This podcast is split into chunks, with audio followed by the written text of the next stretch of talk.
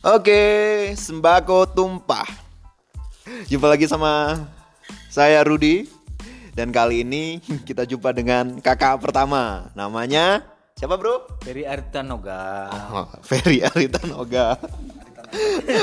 Jadi memang nama Ferry, Ferry Artanoga. Artanoga. Iya. Artanoga itu artinya apa? Coba lu jelasin biar pada podcast tuh biar pada paham gitu. Artanoga, yo gitulah. Ari Tanoh Gayo itu bahasa Gayo ya. Bahasa Gayo. Artinya Ferry dari Tanah Gayo. Ya, mantap. Tanah Gayo itu di mana dulu, Bro? Tanogayo itu di Aceh. Di Aceh. Khususnya Aceh Tengah. Aceh Tengah ya. Bener meriah, Gayo lues dan sekitarnya gitu kan. Oke.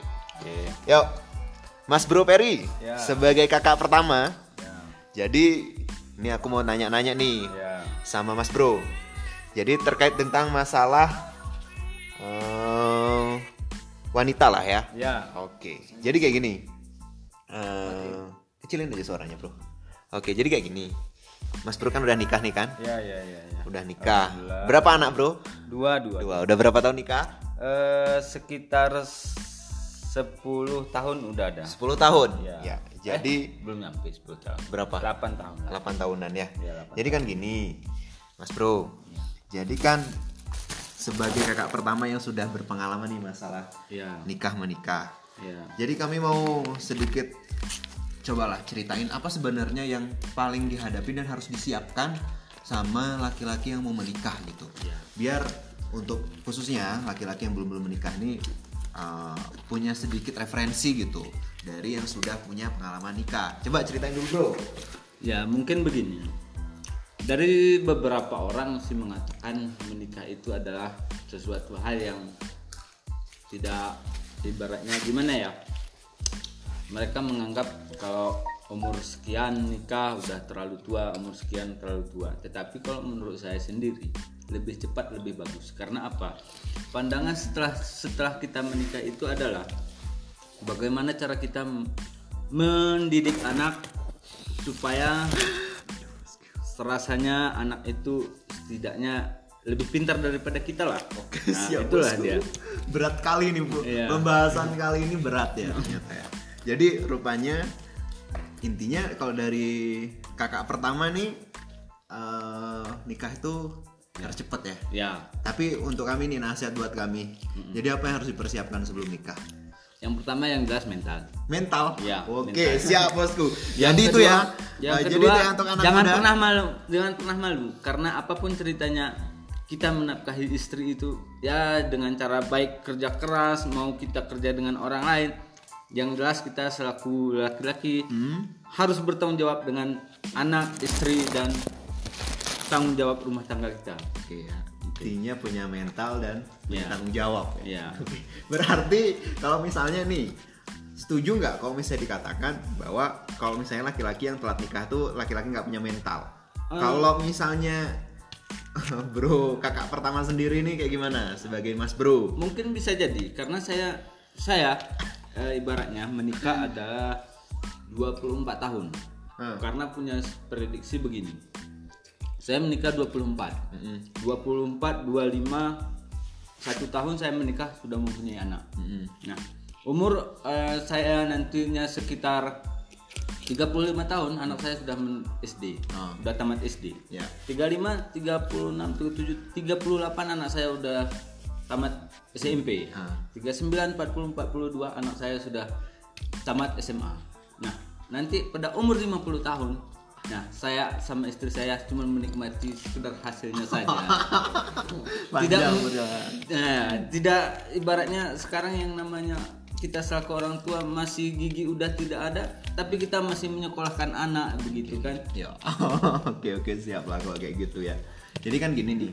Jadi pastilah ini yang jadi kegalauan para laki-laki kan. Ya. Pasti bener nggak sih yang kata-kata bahwa kalau misalnya sudah mau nikah, apalagi itu sudah tunangan katanya ya, godaan itu datang bertubi-tubi. Godaan Ya. misalnya nih, kayaknya oh ini lebih cantik nih, oh ini lebih iya nih. Ya. Bener nggak datang Kalau- tuh seperti itu? kalau- sepengalaman kakak pertama gimana? Kalau itu sebenarnya sih kalau saya pribadi itu ya memang ada. karena itu godaan itu memang ngeri Godaan tuh ngeri. ngeri Jadi kemarin tuh kakak pertama, Hmm. Mas Bro, gimana caranya menepis semua godaan itu? ya yang pertamanya ya kita harus yakin dengan pasangan kita Ya, harus yakin ya kan? harus yakin yakin dengan pasangan kita. Iya. Itu kunci bosku. Jadi yakin bahwa pasangan kita ini adalah yang terbaik itu adalah kunci ya kan? Iya. Oke. Tos dulu, Mamen. Wes, paten kali memang. Jadi yang kedua ya, yang pertama yakin. Habis yakin apa tadi yang yang harus yang lebih penting daripada sekedar keyakinan kok menurut bosku? kalau keyakin yang kedua kepercayaan Percaya. Percaya terhadap pasangan kita masing-masing Hmm. saya rasa tiga ini komponen ini udah cukup Cukup ya. cukup Itu itu, pasti. akan menjadi keluarga sakinah Amin, paten bosku. Jadi memang itulah. Mungkin saat sekarang ini yang paling dihadapin sama laki-laki yang udah eh, mungkin udah cukup umur ya kan. Cukup lah dalam usia. Habis itu udah menemukan oke pasangan. Tapi ketika mau menuju untuk serius pasti oh iya nggak ya? Iya Iya. nggak ya? Terus godaan sana sini oh ini makin cantik ini lebih cantik seperti itu ya. Oke lah yakin ya. Kuncinya adalah yakin. Oke. Terus nih eh, apa lebih berat mana?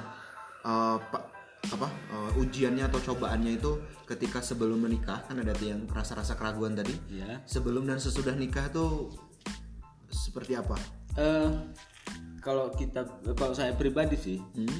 kalau menikah itu sebelumnya lebih berat karena kalau kita sudah menikah kita menjalaninya mau eh, ibaratnya kalau rezeki datang sendiri tapi kan, tapi kan harus dicari harus Iyalah, realistis juga Ibaratnya begini, Ah. kalau kita ibaratnya rezekinya datang sendiri, ya kalau kita tidak keluar dari rumah nggak mungkin datang sendiri ke rumah Ya, kan begitu. usaha Ya. gitu ya. Kita lakukan usaha, rezeki itu pasti akan datang. begitu ya Iya.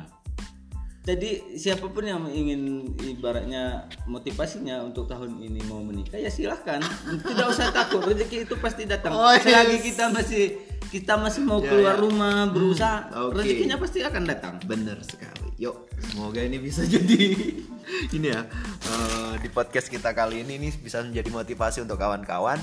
Intinya adalah rezeki itu datang sendiri. Ya, tapi memang kadang-kadang itu untuk laki-laki yang belum kayak laki-laki yang belum punya pengalaman untuk menikah itu pasti kayaknya agak-agak terkejut badan gitu ya. Iya. Tapi intinya adalah yakin tadi ya. Yakin. yakin. Oke bro. Eh, kira-kira ada nggak pesan dan pesan yang harus disampaikan untuk laki-laki yang ingin menikah, yang segera menikah ataupun yang lagi galau ingin menikah? Ya. Apa pesannya? Kalau pesannya sih gimana ya? Tidak eh, kalau kita eh, yang pertama adalah yakin dengan pasangan kita. Mhm. Yang kedua saling percaya. Mhm. Yang ketiga bahwasanya menikah itu bukan sesuatu hal yang serem, tapi yang sangat indah. Oh indah. yakin bro ya. Indah, yakin, Oke. yakin. Oke lah kalau gitu. Oke terima kasih waktunya Bro Ferry Ya. kakak pertama di sini. Jadi udah sharing tentang masalah pernikahan. Mungkin jangan dibanyak. Mungkin obrolan ini kalau ada manfaatnya syukur, Ya. kalau enggak ya untuk happy happy. Ya. ya kan. Iya, iya. Untuk senang senang. Oke lah kalau begitu semoga aja dengan podcast kita kali ini ada ada manfaatnya ya. Kalau nggak pun untuk happy happy. Oke bosku, thank you semua. Thank you so much. Oke. Oke. Mamen, salam sembako tumpah. Oke, guys, jumpa lagi kita. Semoga aja nanti obrolan dari kakak pertama Bro Ferry, Artanoga, Aritano Gayo atau dari dataran tinggi Gayo bisa menginspirasi kawan-kawan semuanya untuk laki-laki yang belum berani untuk nikah. Oke, semuanya, thank you so much atas waktunya dan udah dengerin podcast kami. Tutup dengan ucapan see you next time.